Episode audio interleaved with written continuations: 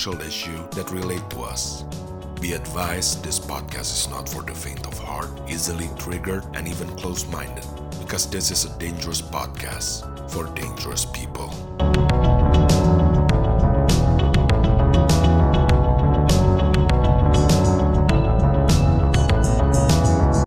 Halo dan selamat datang di Hot Talk Podcast Season 2 Episode 2. Pertama-tama gue ingin mengucapkan terima kasih buat lu semua karena sudah menikmati dan mengikuti Head Talk Podcast dari season 1 dan moga-moga lu juga menikmati dan mendapatkan sesuatu dari season 2 episode 1 karena menurut gue that is one of the funnest episode I've worked with I've worked with.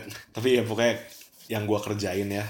Dan topiknya pun juga sangat mengikat erat dengan gua. Jadi you know I think it's a great thing to talk about and an important issue yang gua perlu angkat. Tapi untuk episode kali ini, gue juga akan mengangkat sesuatu yang menurut gue cukup common sense, yaitu gender equality. Seperti kita tahu, di Indonesia itu kalau udah masalah gender itu masih kurang ya. Ketimpangan gender masih banyak banget ditemukan di dunia pekerjaan, di sosial, di a lot of things gitu. Dan juga kasus-kasus terhadap saudari-saudari kita pun juga masih banyak. So, kali ini gue akan ditemani oleh a good friend of mine. Teman lama gue dari dulu sekolah yang sebenarnya dia yang minta gue untuk ngajak dia dan ngobrolin tentang ini dan gue nggak bisa I don't think I can find a more better person to talk about this issue dengan one of the most strongest women I know gitu. Karena lu kalau denger dia men gila, gas bocor men. Kayak wah gila banget. Namanya dia Neta. Jadi ya, yeah, it's gonna be a fun episode. It's gonna be another fun episode. So yeah, let's stop talking and go to our head.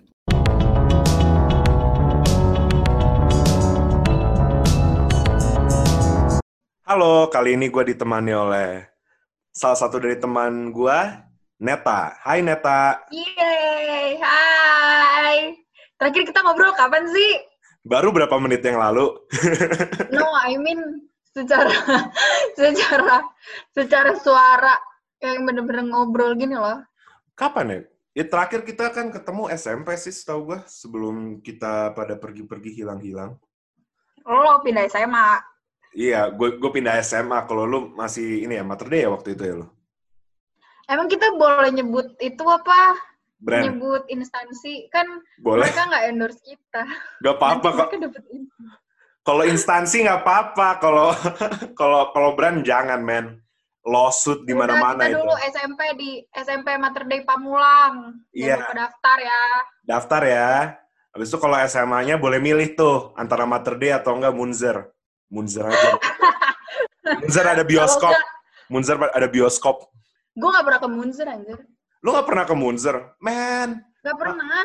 Main dong, man. Man, gila. Itu ada bioskop. Enggak. Dulu dulu gue pas SMA kerjaannya tuh sekolah, nongkrong, bimbel. Udah hidup gue di situ-situ aja. Makanya pas gue udah kuliah kan, hmm. temen-temen gue ada di kampus gue yang dari Tangsel kan. Dia kayak, eh gue ya. kuliah di sini, di sini. Gue kayak, oh iya, gue gak tahu di mana. Bodoh amat gue yain aja. Anak Pamulang yang ngerti ya. Pamulang ya, anjir. Kalau kamu denger, maaf ya. Aku iya-iyain aja, soalnya aku nggak tahu. Nangis dah, anjir. Tapi lu gimana nih kabar lu? Di tengah pandemi kayak gini, what you've been up to? What I've been up to? Uh, ini lockdown hari, eh lockdown. Ini hari keberapa sih? Gua tuh dari 18 Maret di rumah. Sekarang bulan apa? Agustus ya? Iya, udah Agustus. Berapa bulan tuh? 8 kurang 3, 5, 5 bulan. Anjir baru lima bulan di pikiran gue udah setahun gila. udah setengah lah, udah setengah tahun ya. lah bisa dibilang lah. Gila sih, parah. Sebenarnya gue pengen ngeluh. Sebenarnya gue yakin ini kayak ada banyak juga sih yang ngerasa. Hmm. Eh, at least ada lah yang ngerasa. Gue pengen ngeluh. Kayak gue capek, gue di rumah capek mentally, emotionally gitu ya. Kayak gue nggak ketemu teman-teman gue. Sorry, gue nggak nggak beraktivitas like I used to, gue nggak kuliah tatap muka, which I super love. walaupun gue beberapa kali bolos I'm sorry tapi nongkrong gitu-gitu kayak Yeah. makan ke warteg my daily habit gitu pasti Mm. banyak orang yang kangen apalagi kayak gimana ya di situasi kayak gini tuh semua orang susah jadi gue pengen ngeluh tuh sungkan ngerti gak sih karena gue masih Yeah. punya atap untuk ditinggali gue masih punya duit at least untuk hidup gue masih Yeah. punya makanan di rumah gue masih ada orang yang masakin gitu kan tapi kok bosen anjir Ya pastilah anjir, gue juga bosen itu. Emang kayak jadinya jiwa-jiwa ekstrovertnya tuh nggak bisa keluar gitu anjing. Jiwa ekstrovert terkekang gitu anjing. bukan terkekang anjing kayak lebih di, lebih ke dibunuh tuh nggak? Dibunuhnya juga pelan-pelan gitu. ketemu- Dibunuhnya pelan-pelan. Iya, kayak lo lo disiksa pakai pisau tumpul anjing. Gue tuh sekarang kalau ketemu orang, Nah, gue kayak udah automatically jaga jarak ngerti gak sih? Gue kayak, Hmm. ah iya, oke, aja." bye. Exactly, gue kayak gitu. Sekarang gue malah ngerasa kayak, ih, apaan sih gue? Ih, Tapi ih, tapi sumpah gila. that's the safest thing to do gitu maksud gue di tengah pandemi gitu. Jaga jarak bro, Hmm. jaga jarak dan pakai masker semuanya. Pakai masker. Yes, use your fucking mask. Anjing. Jangan pakai masker bambu, jangan. Masker biasa. Nah, Jangan pakai masker masker Kosmetik. cewek. Eh, masker cewek. Masker wajah. Iya, gue masanya make anjir, bukan masker cewek doang tahu. Oh ya, itu juga itu ini. Itu seksis. Iya, itu moisturizing muka gue, men. Makanya muka gue tuh selalu glowing dan youthful gitu loh. Pakai merek apa, Kak? Aku pakai RH sih, Kak. Sama Mustika Ratu. Anjing RH. Eh, kok lo nyebut brand sih? Nah, eh nggak apa-apa sih. Nanti siapa tahu dia endorse Oh iya, oh iya, bener banget loh. Curi pandang, bro. Aku biasanya pakai Mustika Ratu kalau misalnya yang peel off. Gua biasanya gue biasanya pakai sheet mask karena gue males bilas Iya sih, biasanya itu kontol banget sih, tapi ya udahlah. Hmm, kontol banget ya Iya, kontol banget ya. Pertama kali ngomong kasar ya lo. kontol banget ya. Kontol banget. eh Maaf. tapi seru seru tahu ngomong eh bukan seru ngomong kasar maksudnya nggak bukan gitu maksudnya nggak boleh ya ngomong kasar buat Ya. yang dengerin Iya. terserah deh lu mau ngomong kasar urusan gue yang penting lo tahu tempat Ya, kok lu jadi menggurui sih? Gacor banget lu. bukan menggurui anjing sharing Share. Oh, sebelum sharingnya ada anjing dulu. Tapi sebelum kita anjing masuk ke dalam conversation kita kali ini, kali ini kita sebenarnya mau ngomongin apa sih? kita mau ngomongin realita yang anjing Realita yang anjing ya, yang kontol Iya, juga. tadi dunia itu dunia bangsat sekarang realita anjing Iya, kita sebenarnya udah dua take nih. Kita Aduh. kita bakal kita bakal nggak kelihatan retake kok, santai-santai. iya jadi kayak Mm. Ya gitu. Sekarang Nah. jadi kita akan membahas gender equality ya. Kalau menurut lu Iya. sendiri nih, sebagai seorang wanita, anjay sebagai seorang wanita, em, Indonesia tuh secara kesetaraan gender sudah cukup atau belum? enggak bukan belum lagi enggak sama sekali enggak Ya, nihil ya. Ah. nihil. dalam berbagai aspek ya tapi gue tuh gimana ya gue tuh sebenarnya pengen tujuan gue kayak gini tuh pengen edukasi aja sesama kita Iya. gue tuh pengen berbicara tentang hal-hal yang ada tapi kita tuh kayak kayak nggak berani nyowel gitu loh tapi di sisi lain gue juga nggak mau ngebahas hal-hal yang belum pernah gue laluin jadi supaya gue bisa relate supaya diksi gue tuh tepat jadi kesannya gue Hmm. nggak menggurui Yeay. Iya, jadi intinya tidak tidak equal. Tidak. Nah, itu menurut lu tidak equalnya di aspek-aspek apa aja di society kita ini? Semuanya. Kayak berikan contoh lah, man. Berikan contoh gitu loh. Contohnya, contohnya, Mungkin contoh-contoh. Hmm, cowok beli rokok biasa Hmm. aja. Cewek beli rokok, terus mas-mas, eh, hampir gue nyebut merek, mas-mas minimarketnya Oh, mini Kayak- ah, siap minimarket. minimarketnya kayak Circle K ya? ya kayak ini MLD Blacknya satu. Gue gue pernah nih gue Hmm. bilang gini "Eh, mas MLD Blacknya dua ya. Ya please ya dengar yang punya MLD Black gue nyebutin merek lo jadi tolong endorse gue oke? Jadi endorse fast gitu ya kita. gue gue bilang gini Gonna mas soal ya M- MLD Blacknya Hmm. satu. Dia bilang rokok kak. Gue bilang iya yang mana tadi kak? MLD Black. Yang isi berapa? Isi 16 koreknya kak? Nggak usah gitu kan. Tapi sambil dia bayar tuh dia eh sambil gue bayar tuh dia kayak "Y- you get it. Gimana sih? Ya, dia ya. kayak hey iya. Ya, anjing. Terus Gitu kayak loh. eh, fuck gitu anjir. Pasti. banyak banyak. Contohnya pasti lu juga sering lihat sendiri kok. Mm-mm, iya. Itu ya, gue menurut gue apalagi perihal rokok ya, itu adalah sesuatu yang cukup apa ya, cukup ngeri, cukup ini ya, double standard banget ya kalau di dunia gender ya. Yes. Kayak kalau cowok Hmm. boleh, tapi kalau cewek tuh kayak di question banget gitu kan. iya Tep- Itu lu ngerasainnya gimana sih sebenarnya kalau misalnya lu tiap kali ditanyain gitu? Kayak lu lu tiap kali di question gitu sebagai perokok wanita gitu, menurut lu gimana? Kalau dari lu sendiri lu ngerasainnya gimana sih? sebenarnya gue biasa aja karena gue kayak anjing ngerti gak sih oke Eh. ya udah gue bodo amat Iya. gue gue tuh gue tuh inget nyokap gue bilang gini selama orang itu nggak ngasih kamu nasi ya ngapain dipikirin Iya benar. bener juga gitu kan Hmm. jadi kalau orang nanya kayak eh lo gini lo gini lo gini iya emang kenapa ah, ada masalah Hah? Iya. enggak kan Enggak. Enggak. kecuali ini Iya. kecuali gue ngerokok asapnya gue sembur depan muka lo lu tampar gue boleh tapi Ah, ini di ruang terbuka iya iya benar benar. pohon ada matahari ada burung nggak ada tuh yang protes sama gue Iya, iya, benar-benar.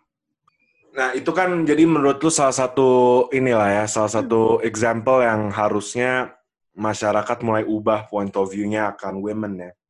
Kira-kira Hmm. ada contoh-contoh lain nggak yang menurut lu kita harus ubah gitu? Point of view yang kita harus ubah. point of view sebenarnya banyak tapi eh, intinya adalah ya lo harus belajar memanusiakan manusia. Itu tuh moto yang kita dapat pas SMP anjir. Terima kasih Mater Dei Pamulang. Jangan lupa daftar ya. Eh, Tuh. gue gue pas gue denger itu dari suster gue kayak waktu itu kalau nggak salah tuh bulan kitab suci nasional kan Hmm. biasanya mereka ada moto-motonya gitu kan iya. pas gue denger itu pertama kali gue kayak oh shit man what a Mm, word gitu loh mm, mm. dari situ gue take gue belajar gue belajar karena pas SMA hidup gue memang dalam kotak seputaran itu itu aja gitu Iya. tapi mm, setelah kuliah mulai banyak explore gue eh mencicipi pergaulan-pergaulan teman-teman gue ya lo ngapain dibungkus gue dugem deh anjing gue dugem Gua gak ngarah situ sih, men. Tapi lu nya sendiri yang Gua- ini kan. gue ngarah situ sih gue ngarah situ Gua- lu ngarah situ? enggak soalnya selama ini yang gue tahu tuh pertama gue liat dari film kedua gue dengar dari lirik lagu ketiga cerita temen. Dan itu kan cerita teman ya point of view mereka kan. Jadi belum Iya. tentu gue relate. Setelah gue mencicipi hampir semua yang gue penasarin sama gue hidup enggak sama gue hidup sih maksudnya sama gue mulai membuka mata gue ngerasa kayak astaga orang-orang tuh ternyata memandang rendah sekali sama perempuan. Misalnya, misalnya kayak gini pasti pasti deh lu punya teman cowok Iya, yang ngomong gini eh gue udah pernah pakai si ini iya. gue udah pernah pakai si itu terus ngomongin cewek nih eh gue suka sama sini eh jangan nih gue dia kan murahan gampang dipakai gitu gue udah pernah pakai dia lu Hmm. pernah nggak terpikir kalau cowok itu sebenarnya yang murahan karena dia juga kalau kalau lu reverse point of view lu ya Iya. dia yang dipakai banyak orang ngerti gak sih Iya, dia sebenarnya. Mm-mm. dia Dia hornya. Dia hornya sebenarnya. He's the man whore Man whore. kenapa sih eh gue gue punya gue punya Iya. pertanyaan deh Oke. kenapa ada terms whore untuk perempuan, tapi nggak ada terms whore untuk laki-laki. Menurut gue ya itu dia kembali lagi ke over sexualization of women sih menurut gue.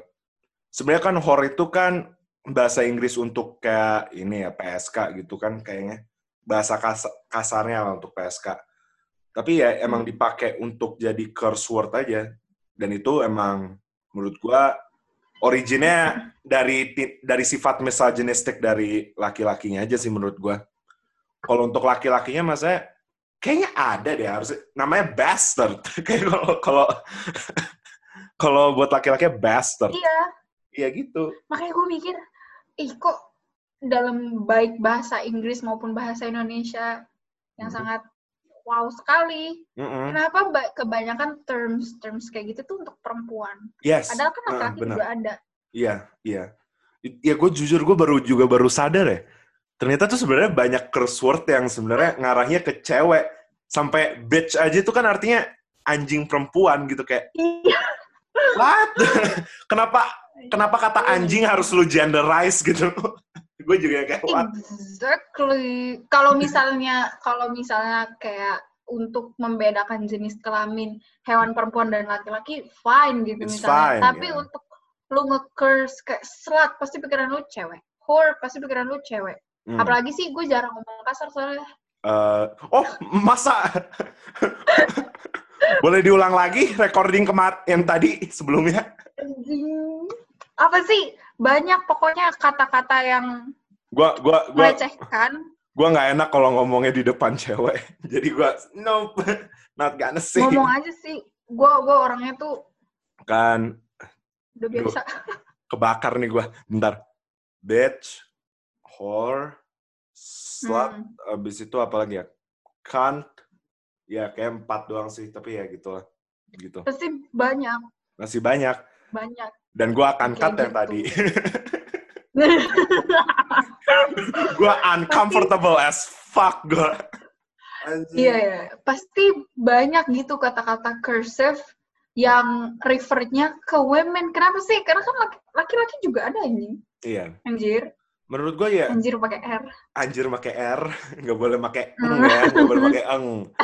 Nggak, tapi kayak men- menurut gua, iya, itu gara-gara misogynistic nature dari sebuah society ya. Karena kan hampir semuanya itu kan, kalau kita bilang ya, dunia itu kan cukup patriarki ya. Jadi, maksud gua, for the longest time kita patriarki gitu. Jadi, ya itu dia, ke- em, words yang dipakai itu ya, curse word yang berbau female gitu menurut gua. Karena Iya. notion bahwa man is always right gitu loh. Itu sih menurut gue originnya. Kayak kenapa sih gue bingung gitu loh. Mm. Tongkrongan, baik tongkrongan, baik tongkrongan yang gue nongkrong bareng sama mereka sejak gue SM, SMA kayaknya. Mm-mm. Beda-beda ya, bukan cuma tongkrongan gue pas SMA aja. Eh ngomong apa sih gue? Pokoknya banyak nih teman-teman yang yang gue gue ajak nongkrong nih. Iya. Mereka topik itu selalu kayak gue habis make ini, gue habis make itu. Hmm. Maksud gue Mm. it's so fucking unsensitive hal hal gimana ya hal yang emosional kayak gitu buat gue hubungan seks itu emosional loh it's a Yes. consent between you you and the the si orang itu yang lo ajak tidur eh bukan yang lo ajak tidur yang tidur sama lo gitu Mm. kenapa lo harus menjadikan itu seolah-olah achievement kayak gue udah pakai ini gue udah pakai itu Mm-mm. terus kenapa anjing Dibikin kayak game gitu. Mm-mm. Itu bakat bukan Iya. Iya, iya menurut gue itu juga gara-gara kultur dari ini juga sih film. Film kan kayak selalu ngegambarin bahwa you know sex is a game Hmm. gitu, sex is a achievement gitu. Terutama Hmm. film-film barat kan. Makanya menurut gua jadinya ke, ke translate-nya juga salah gitu loh ke Indonesia culture gitu. Orang-orang jadi main bungkus-bungkus sana gitu. Kayak bungkus, Iya. bungkus kiri gitu. Iya, Begitu. sama ini. Misalnya gini nih. Ih, gue gue gue udah kepikiran ini sih Iya. sebenarnya dari pertama kali gue lihat. Hmm, Jadi ceritanya lagi dugem nih. Iya, Terus biasa kan di dugem ada istilah bungkus membungkus gitu kan. tahu kok saya. Kebetulan Mm-mm. kebetulan di situ eh gua ketemu sama teman-teman lama gua sebut saja si X dan si X ini perempuan. Oke. Terus saat itu gua lagi sama teman-teman gue, laki-lakinya disebut saja Y gitu misalnya. Hmm. Terus eh si X ini dia yang ngajak Y. Jadi istilahnya X ngebungkus Y gitu kan. Wes. Tapi kenapa orang-orang nganggepnya seolah-olah kayak kayak gimana sih kayak Y yang yang menang, ngerti gak sih lo? Kayak. Hmm. kayak kayak Y yang yang powerful gitu loh, bisa Iya. diajak pulang, Mm-mm. bisa ngajak pulang orang.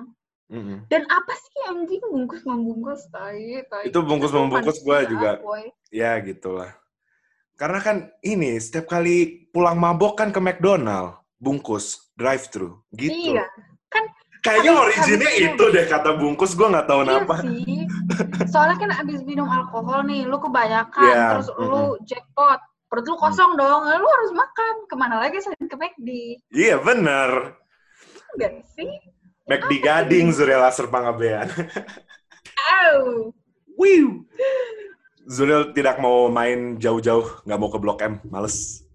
Tapi ya gitu. Oh shit. Blok M jauh. Blok M jauh dan mahal. Zuriel nggak mau buang-buang duit. eh iya sih emang di Blok M mahal. Kenapa sih? Ya kok. Kita jadi ngomonginnya eh, minum anjing. Ini tuh akan sangat awkward. Misalnya kita tiba-tiba ketemu anjing. Misalnya kita kayak, Neta, Zuril. Kita kayak, Langsung. oh Oh. jadi ini tempat yang ngomongin mahal. Ih, oh. Anjing banget tuh. Tapi emang mahal anjing. Iya. Gua, gua mah ini aja apa? Nih kita sideways dulu ya sebelum lanjut lagi conversationnya kita ngomong alkohol dulu, sorry nih. Tapi gue biasanya di Gading ini apa? Warung Makmur. Lu tahu Warung Makmur nggak sih? Hmm, pernah denger. Hmm. Gua gue biasanya gua waktu itu minum sama si Panjul sama si Oh, Panjul sama Remon. Itu iya. udah gue beli Oh, iya, iya, iya.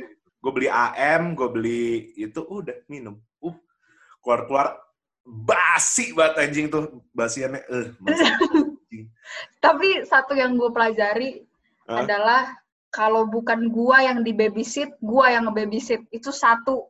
Kedua, buat gua ya, buat gua nih, nggak tahu nih buat yang denger. Ya. Muntahannya Amir tuh bau bau dajal anjing, bau banget. Ih, gue pernah juga itu itu gue males banget sih gue langsung kayak nope nggak bakal nggak mau muntah lagi nggak gue fuck banget. Bau, bau Amir tuh kayak paling, gua paling gak bisa tahan. Temen gue kayak- muntah nih. Mm-mm. temen gue muntah, gue udah babysit dia, gue pack muntahannya, gue plastikin, gue muntah juga anjing. Padahal gue nggak, gue nggak, gue nggak naik, gue nggak berasa, nggak berasa dalam tanda kutip. Iya. mm-mm. Gue enek aja baunya, ih apaan sih? Siapa sih yang nyetain Amer? Tapi keren sih loh. Menyatukan berbagai orang dalam sebuah tongkrongan. Am- OT emang gue selalu bilang gini anjir OT tuh nih banyak sekali orang-orang yang bilang jangan minum alkohol lu tahu nggak cara buat nge-prevent orang minum alkohol terutama OT Apa? Logo OT-nya lu ganti muka Tuhan Yesus langsung nggak boleh anjing kafir itu Sumpah anjing. Ini kan, ih sumpah, sumpah, sumpah, sumpah. Gue ada, ya Allah. Sumpah Apaan? ini gak boleh. Anjing loser gue. Sabar-sabar, lo, lo harus nonton gue. Tapi bagian ini harus di-cut sih. oke Anjing satu-satu. mana ya fotonya? ini ini kita masih Udah, intermezzo dulu nih kita tidak membahas Iya women's sih, right dulu ngobrol. Ngobrol dulu, bonding. iya kita Anjing, bonding Mana sih fotonya? Kurang ajar. Anjing. Jadi buat yang kalian yang nggak bisa ngelihat, itu ada Tuhan Yesus megang botol Amer yang normal ya, yang bukan yang gold. gue dikasih temen gue anjing. Terus gue kayak, oh my god, gue gak bisa berhenti mikirin foto itu sekarang. Eh, sumpah maaf ya Tuhan Yesus. Oh my god. Saya sebagai orang Kristiani bodoh amat. ya udahlah ya, ya shoot dia bisa ngubah air ya. jadi AM. Tapi kita iya, iya. Keren sih. kita back to conversation dulu deh ya. Kita kita Oke, baru kita ntar kalau udah selesai ngomong-ngomong mabok lagi deh, nggak apa-apa deh. Tapi oke. menurut lu sendiri nih, Hmm. kita bakal sekarang ngebahas sexual mix- misconduct sama rape. Hmm. Menurut lu sendiri, pemerintahan Indonesia nih dan juga hukum di Indonesia sudah cukup nggak berpihak terhadap korban? Is that even a question? Of course no. Ya emang gue juga itu kayak rhetorical question itu gue juga juga kayak taruh aja deh biar tebel pertanyaannya. Oh my god, enggak jelas sama sekali enggak kayak misalnya kemarin uh, RUU PKS, sumpah setelah gue baca draftnya, mm-hmm. itu gue kesimpulannya adalah RUU PKS itu banyak terlibat dalam proses pemulihan korban. Iya. Banyak banyak melindungi korban. Jadi kayak lu tau gak sih salah satu peraturannya adalah uh, pengacara atau authorities apa sih sebutannya gue gak tau. Mereka yang menangani kasus ini harus yeah. mereka yang udah pernah uh, mengatasi kasus serupa. Itu satu. Kedua, si korban punya hak untuk bisa ketemu atau enggak sama pelaku. Terus ketiga, okay. pelaku harus uh, menjamin biaya pemulihan mental si korban that's a fucking good rules. Yeah, Dan pembahasannya itu. dibilang dibilang sulit. Oh shit, ya, nggak tahu sih gue. Masalahnya gua gini, masalahnya kalau UU PKS apa? PKS kayak RUU UU PKS. Ya RUU PKS dilegalin, itu semua orang DPR kena anjing. Oh shit. Yang yang ngelegalinnya kena, makanya dibilang ini.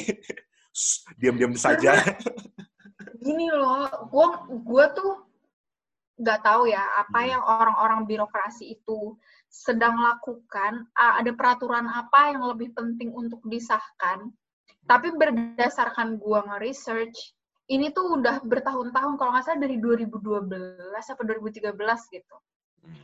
You have eight, seven, eight years untuk membahas ini. Hmm. Draft yang sudah ditetapkan berkali-kali dengan banyak kontrak, dibilang uh, mendukung LGBTQ, dibilang mendukung pelecehan seksual, dibilang mendukung underage sex atau yeah. Iya. uh, apa sih seks di luar nikah gitu. Banyak banget kontra terhadap RUU PKS ini yang sebenarnya sih menurut gua nggak apa-apa sih orang-orang mau beropini juga mau gimana.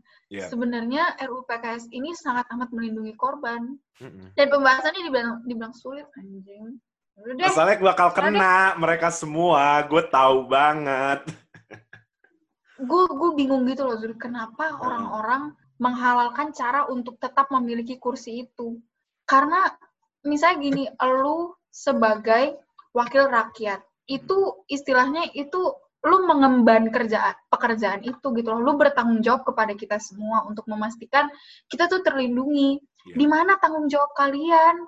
di luar kalian sebagai wakil rakyat, kalian tuh manusia punya hati nggak sih? Iya. Jangan buta karena uang. Hmm. Lu nanti ke surga nih, lu ditanyain buka lu bukan ditanya udah berapa duit yang lu bikin eh udah berapa duit yang lu bikin udah berapa duit yang lu punya selama lu di bumi kayaknya nggak bakal ditanyain kayak gitu deh iya dan menurut gue pun juga iya benar bahwa sebenarnya yang kita harusnya maximize selain juga di soal kekerasan seksual tapi juga narkoba menurut gua korban itu yang harusnya korban dan pengguna kalau ya narkoba itu yang harusnya dijadikan topik utama untuk dibantu gitu loh bukannya hmm. bikin jadi drama court gitu loh gue gue gue kayak nggak suka harusnya itu udah simple simple banget gitu bahwa korban yang lu harus ayomi gitu loh iya bener korban korban narkoba maksudnya gimana korban narkoba tuh maksudnya penggunanya. Pengguna kan itu bisa dibilang hmm. sebagai sebuah korban dari sistem hmm. pengedarannya gitu. Jadi yeah. menurut gue ya gitu. Karena kan setahu gue juga kalau ini kita jadi sedikit melenceng ke arah narkoba, tapi kalau hmm. narkoba hmm. itu lu harus bayar rehab lu sendiri kan? Oh ya? Setahu gue iya. Anjir, gue nggak tahu. Wow. Dan, dan itu rehab very fucking expensive, setahu gue. Iya, dan rehab nggak sehari dua hari kan? Iya, merangkap itu. Makanya gue kayak, hmm, nggak tuh. Itu, itu, itu duit oh. dipakai buat apa kalau bukan buat rehab, anjir. Iya, iya, iya, benar, benar, benar, benar. Prevention, sebaik-baiknya prevention ya menurut gue, harusnya hmm. duit prevention tuh dipindahin buat rehabilitasi mending. Hmm. Baru kalau misalnya udah jumlah rehab yang dibutuhkan udah kecil, baru deh lu mau prevent gimana pun kayak bikin buku kayak bikin film kayak apa bodoh amat anjir tapi itu dia menurut gua rehab dulu sih harusnya di ini Iya sih. Wow, eh gue baru tahu sumpah kalau misalnya mereka harus bayar rehabnya mereka sendiri. It- Bukannya Hmm? kayak misalnya kalau misalnya orang eh, apa sih ada keputusan ketok palu, lu menjalani sentence segini, lu wajib rehab. Ada ada nggak sih dari mereka yang harus kena denda? kayak tetap kena denda deh kalau gituan Terus kenapa dendanya nggak dipakai anjing? nggak tahu deh gue ya kan buat ini buat makan siang di warteg bahari Buat buat buat buat anjing. buat ini apa buat Mary Jane Mary Jane Mary J, I get it. gue gue punya gue punya banyak nama buat buat itu Mary Jane Devil apa Devil's Lettuce udah banyak Oh iya, Devil's Lettuce. Devil's Shit. Lettuce. Wow, Uh. shit. buat yang tahu aja ya yang di podcast tapi jadi ya menurut gue juga sebenarnya hukum di Indonesia tuh terhadap wanita apalagi di dalam kasus kekerasan wanita tuh masih kurang banget sih menurut lu Bukan Hmm? kekerasan kekerasan wanita sih, lebih ke kekerasan seksual. Hmm. Karena korbannya tuh bukan cuma perempuan. Pasti gini deh. eh misalnya gini, ada ada kayak ini sih gue ngambil contoh dari film, dari Glee. Lu, lu tau misalnya kayak mereka lagi ngebentuk sebuah circle, terus ada cewek cerita dia pernah jadi korban eh, pelecehan seksual. Iya. Semuanya tuh pada kayak eh, kasihan gitu. Sebenarnya ini ini terjadi sama gue, bukan pelecehannya, tapi temen gue kayak gitu. Temen gue cowok, Hmm, dia kayak- kita tuh lagi lagi ngobrol berempat gitu. hmm, Terus eh, teman gue ini tuh bener-bener badut banget orangnya sebenarnya. hmm, Tapi kayak lately dia bener-bener kayak diem, kayak gloomy gitu. Akhirnya ngalama-ngalama-ngalama dia cerita, oh dia habis kena pelecehan seksual oleh eh, neninya adanya dia. Baik secara verbal maupun secara aktivitas gitu loh. Iya. Terus em, teman gua satu lagi cowok, dia ngomong kayak, terus kenapa lu sedih anjir? Sumpah dia ngomong kayak gitu. Kenapa lu sedih? Enak dong, lu umur segini. Terus you getting something from a 27 year old. I will die for that. Lu bayangin dia kayak gitu. Terus gua kayak, hah? Anjing, this is the world that I will give to my children nanti. Gua gak mau sih. Makanya hmm. itu salah satu pengalaman yang bener-bener gue inget. Sumpah kalau kalau temen gue ini dengar, lu cerita lu aktif bukan aktivitas sih, kejadian ini dan respon temen gue, lu pasti dengar dan lu pasti tahu lu orangnya. Lu anjing men, sumpah. dan gue bisa lanjut lu anjing gitu Eh sumpah, lu lu, lu brengsek banget ngomong kayak gitu. Sumpah. Gue nggak kenal sama lu tapi gue an tapi gue anjing lagi. Tapi lu anjing. Sumpah, sumpah. Itu kayak iya. gue kayak wow. ya menurut gue wow. itu makanya salah satu alasan diperlukannya sex, eh, sex education menurut gue Mhm. juga pendidikan akan consent. Biar orang-orang yang kayak temen lu itu yang bilang kayak oh gue juga pingin kok kontol gue dipegang gitu. Tapi maksudnya kayak Hmm. habis itu kayak si nanny-nya juga yang do some shit gitu. Maksud gue biar mereka juga tahu gitu bahwa oh this is wrong this cannot be happening gitu. Kayak gitu-gitu. Dan sebenarnya gue benci banget ya net sama orang-orang tuh yang nolak sex education gitu loh. Itu gue gue benci banget tuh. Ada temen gue tuh anjing banget. Gue benci banget. Kayak what? Dia dia bilangnya apa eh, first sex ed itu lu harus dari keluarga ya tapi kalau keluarga lu nggak dapet sex ed dari profesional mah aja bohong anjing bener nggak sih kalau Iya sih. Iya, maksud iya. gua Mm-mm. kayak Kalau yang Hmm. kalau yang diterapkan ke gua sih mungkin memang banyak Hmm. eh, keluarga yang tidak menerapkan sex ed karena menurut mereka tabu hal tabu ya nggak yes bener Karena waktu waktu apa ya kalau nggak salah waktu SD sex education pertama gua jadi tuh waktu di SD gue cowok-cowok pada sholat Jumat terus cewek-ceweknya dapet sex education seputar kayak menstruasi and Iya. stuff and stuff gitu. Gua itu kan sebulan dua kali. Gua empat bulan gua nggak ikut gua kabur. Jadi setiap setiap sex education itu gue kayak itu gue main aja, gue ke kamar mandi kayak gue ngapain kayak karena menurut gue tuh kayak ih ngapain sih dengerin orang nunjuk-nunjuk keselangkangan. Jadi kayak Hmm. gurunya tuh punya gambar gitu tentang bagian-bagian gitu kan. Hmm. Terus kayak, ih ngapain sih gue dengerin ginian? Hmm. Tapi sekarang gue baru sadar anjir. Tol, tolol lu net anjing itu penting gila. Iya, sebenarnya that is very important gitu. Apalagi buat children gitu, buat tahu boundaries-nya gitu loh. Jadi kalau misalnya adult boundaries. itu mau melakukan stuff gitu, atau temennya dia yang cowok, ataupun temennya dia yang cewek, mau melakukan hal-hal tertentu, dia udah tahu gitu bahwa you don't touch this, you don't touch that, you don't touch that gitu kan. Kayak, this is my boundaries. Ya, menurut gua gitu. Iya sih, karena kalau dari pandangan gue ya, Hmm. tingginya tingkat pelecehan seksual kepada anak itu juga karena rendahnya edukasi seks ke anak. Kayak Yes. iya nggak sih? Hmm. Kayak anak jadi kagak tahu gitu loh mau mau megang ini tuh seharusnya nggak boleh, megang itu seharusnya nggak boleh, masukin ini masukin itu tuh seharusnya nggak boleh. Even lu dikasih permen pun seharusnya lo nggak mau gitu loh. Yeah. Kan namanya anak kecil dia kayak I see what I like, I say yes gitu. Iya. Jadi Mm-mm. kayak Mm-mm. Jadi ya makanya ini gua ini pesan buat temen gua nih yang nolak yang bilang sex education, pertama education. harus dari orang tua Ta- tapi orang tuanya nggak berpendidikan sex education. hmm. Gue cuma bilang fuck you man. lu lu sekolah ke mana aja Oh. man man tolol lo. Iya, ya, bener-bener. Ya tapi congratulations udah dapat unpad ya kawanku. Good luck di sana. Yeay, selamat ya, udah masuk UNPAD. Iya. Semoga di UNPAD ada sex education-nya, oke? Iya, biar lu nggak tolol-tolol amat. Aduh, dosa-dosa banget nih. Tapi ya begitu. Ya, ya. Tapi menurut gua sex education itu sangat perlu sih. Ya, banget. Mm-mm. Apalagi untuk institusi sekolah. So ya, menurut gua female empowerment tuh perlu banget. Em, kita harus, apalagi men harus dididik untuk punya boundaries, untuk tidak melakukan apa pun terhadap wanita dan juga equal opportunity untuk wanita Ya. to do a lot of things gitu di works. Karena menurut gue Hmm. juga sebenarnya di dunia pekerjaan tuh paling kelihatan banget anjir opportunity wanita ke ke ke kekang ke ke kekang lagi kekekang itu kelihatan banget sih. Hmm. Terutama di upah kan, di upah sama di ya upah sih menurut gue sama ini apa sama race ya. Eh bukan race apa kayak naik pangkat gitu. Kalau kalau soal karir, sebenarnya gue nggak terlalu tahu banyak. Cuman Hmm. yang beberapa cerita dari eh, member keluarga gue, Mhm.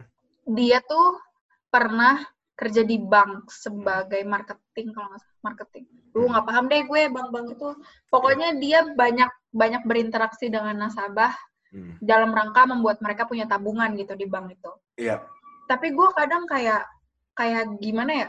Jadi gue tuh pernah dengar kalau misalnya uh, once you're married dan lu punya anak, lu punya prioritas lain. Jadi lu tidak lagi diprioritaskan dalam karir lu gitu. Iya. Karena lu udah past your uh, apa sih productive age gitu. Terus gue Nah. mikir kayak kenapa perempuan harus dibuat memilih antara karir dan kehidupan pribadinya? Kenapa kita nggak bisa punya kedua-keduanya? Kedua-duanya. Iya. Sama seperti laki-laki gitu loh. Mm-mm. Laki-laki bisa mengejar karirnya saat siang, malamnya pulang ke keluarganya. Or kebalikannya juga nggak apa-apa. Banyak kok kan orang-orang kayak gitu. Ibunya Iya. wanita karir, Mm-mm. bapaknya stay at home that nggak ada masalah gitu. Kenapa kita selalu harus ditaruh di ujung papan, harus dibuat selalu memilih antara Mm-mm. dua itu? Why can't we have it all? True, very true. Gara-gara, iya, menurut gua, gue juga sebenarnya kalau bisa dibilang juga di rumah gua juga yang kayak tadi lu bilang itu, bokap gua stay at home, nyokap gua karir. Kayak it's normal gitu. It's something that we should normalize gitu loh. Nggak semuanya harus Mhm. cowoknya yang I'm working, habis itu yang Hmm. women yang I'm cleaning gitu kan kayak that's not really something you should do gitu. Hmm. Mm-mm, gitu sih menurut gua. Gitu sih. Ini kira-kira kalau dari lu sendiri nih, Hmm. apa yang perlu kita lakukan untuk mencapai kesetaraan gender di society? Apa aja yang kita harus ubah? Apa aja yang kita harus lakukan? Especially untuk laki-laki ya. untuk kita, karena kan mayoritas pendengar gue adalah boys. Hey boys, kayak what boys should do to make women more empowered, more safe gitu, merasa lebih safe gitu. Menurut lu gimana? Menurut gue edukasi, edukasi. Udah edukasi itu udah paling top global, itu adalah jawaban dari segalanya. Yes. Tapi selain edukasi adalah ya lu harus sadar bahwa kita semuanya sama-sama manusia. Dan misalnya kayak yang dilakuin, misalnya you men felt like lu harus bawain tas kita, lu harus ini, lu harus itu, lu harus ini. Sebenarnya nggak apa-apa kalau memang kita membutuhkan pertolongan.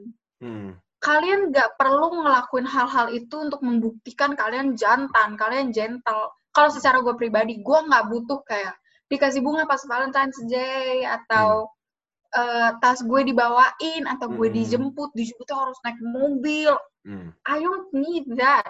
Karena value lu Hmm. is beneath those all gitu Ya. loh.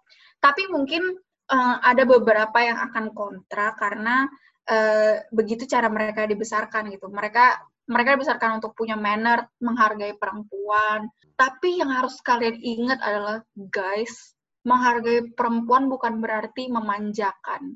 Hmm. We don't need privilege. Gua nggak butuh lu berdiri di bus ketika uh, lu punya seat dan gua nggak punya seat dan lu merasa kayak oh gua harus ngasih ke cewek itu karena dia cewek. Hmm. Jangan lu ngasih seat itu ke gua karena bawaan gua banyak. Oke. Lu ngasih seat itu ke gua karena gue pincang. Oke. Hmm. Lu ngasih seat itu ke gua karena gue terlihat pucat. Oke. Gitu. Hmm. Lu nggak perlu ngasih seat itu karena gue perempuan. I don't need that privilege. I just need to feel to be treated just the way I treat you, human. Hmm.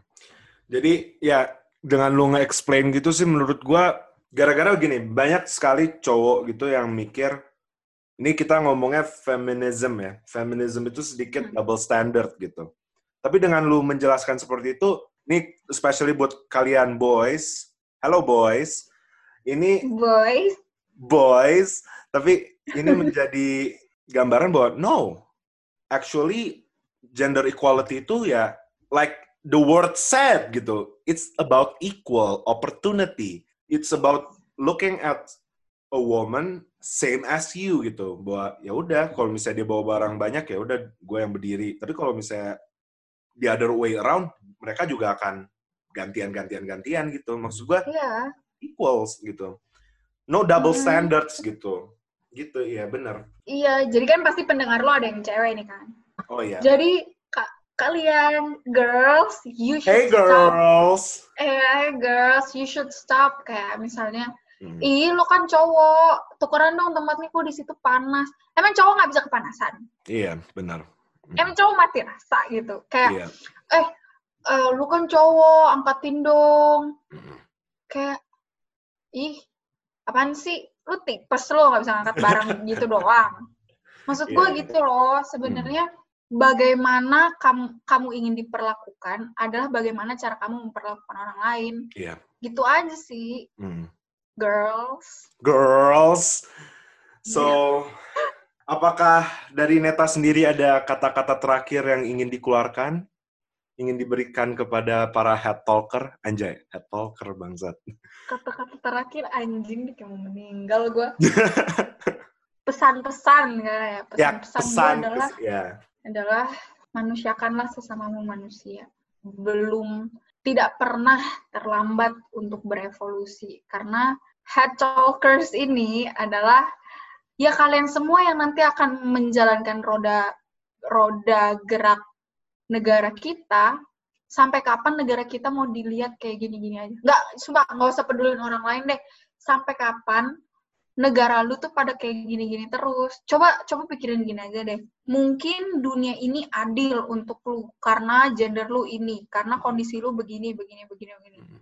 Tapi bayangin anak lu nanti punya situasi yang berbeda dengan lu. Apakah lu mau dunia yang sama seperti ini yang lu wariskan ke dia? Kalau gue sih nggak mau. Makanya Oh, gue gue berusaha kayak gini. Jadi gue bersuara seperti ini untuk didengar, bukan untuk dikenal. I don't need fame. Hmm. I need revolution and I need you guys. Karena sebenarnya gini, gue nggak tahu sih kalian pada setuju apa nggak. Tapi ini pemikiran gue ya.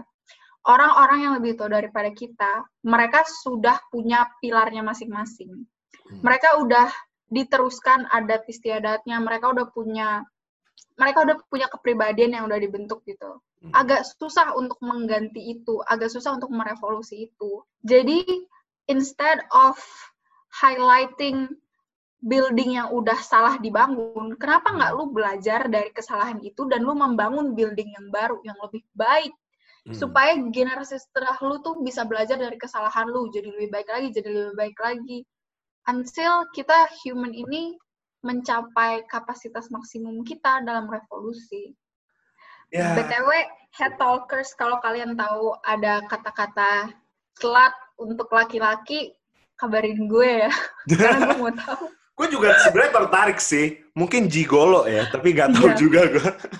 Gak, tapi gigolo itu lebih ke apa ya Hor, pekerjaan Iya itu sih. tuh lebih ke pekerjaan ini tuh insulting words kayak slut tapi untuk laki-laki tuh apa boleh DM gue oke Kayak kayak kalau kalau kalau cowok tuh jackass, ass, um, dick. but that's not rude enough Iya sih, iya sih. Eh, itu kan pengertian lebih ke kayak brengsek gitu kan Yes, yes, nggak benar. ada yang kata jablay gitu gue Iya. pengen tahu untuk laki-laki itu apa Wuh. Harus dicari tahu sih itu. So, Ya, thank jangan you. lupa DM gue ya talkers Ya, DM Neta di mana, Net? at Ananda Ranisa udah cari aja di Zuril pasti ada ya, cari aja di gua. So, sekali lagi gua berterima kasih kepada Neta yang udah Thank Berkenan you untuk berbicara so dengan much. It's been a pleasure talking to you. Dan untuk kalian listener Head Talk, terima kasih lagi sudah mengikuti gua dalam conversation gua dengan this remarkable people. So, Ah. thank you sekali lagi Neta and BTW, BTW, head talkers, head talkers, head talkers. Gua 2050 mau mencalonkan jadi presiden kayaknya. Kalau 2050 ya. gue pilih. Nggak tahu deh, pokoknya Mm. pokoknya nanti kalau gue udah cukup umur dan cukup basic untuk menjadi presiden. Don't forget to vote. Anjing. Gue gua gua pengen jadi menteri perhubungan. Shit. Nepotisme ya. Nepotisme dong. Dari awal kita harus belajar dengan nepotisme. so, Iya, iya, iya. sekali lagi thank you banget Neta. And Thank you so much. and for all of you, let's stop talking and go back to reality. Bye-bye. Bye-bye.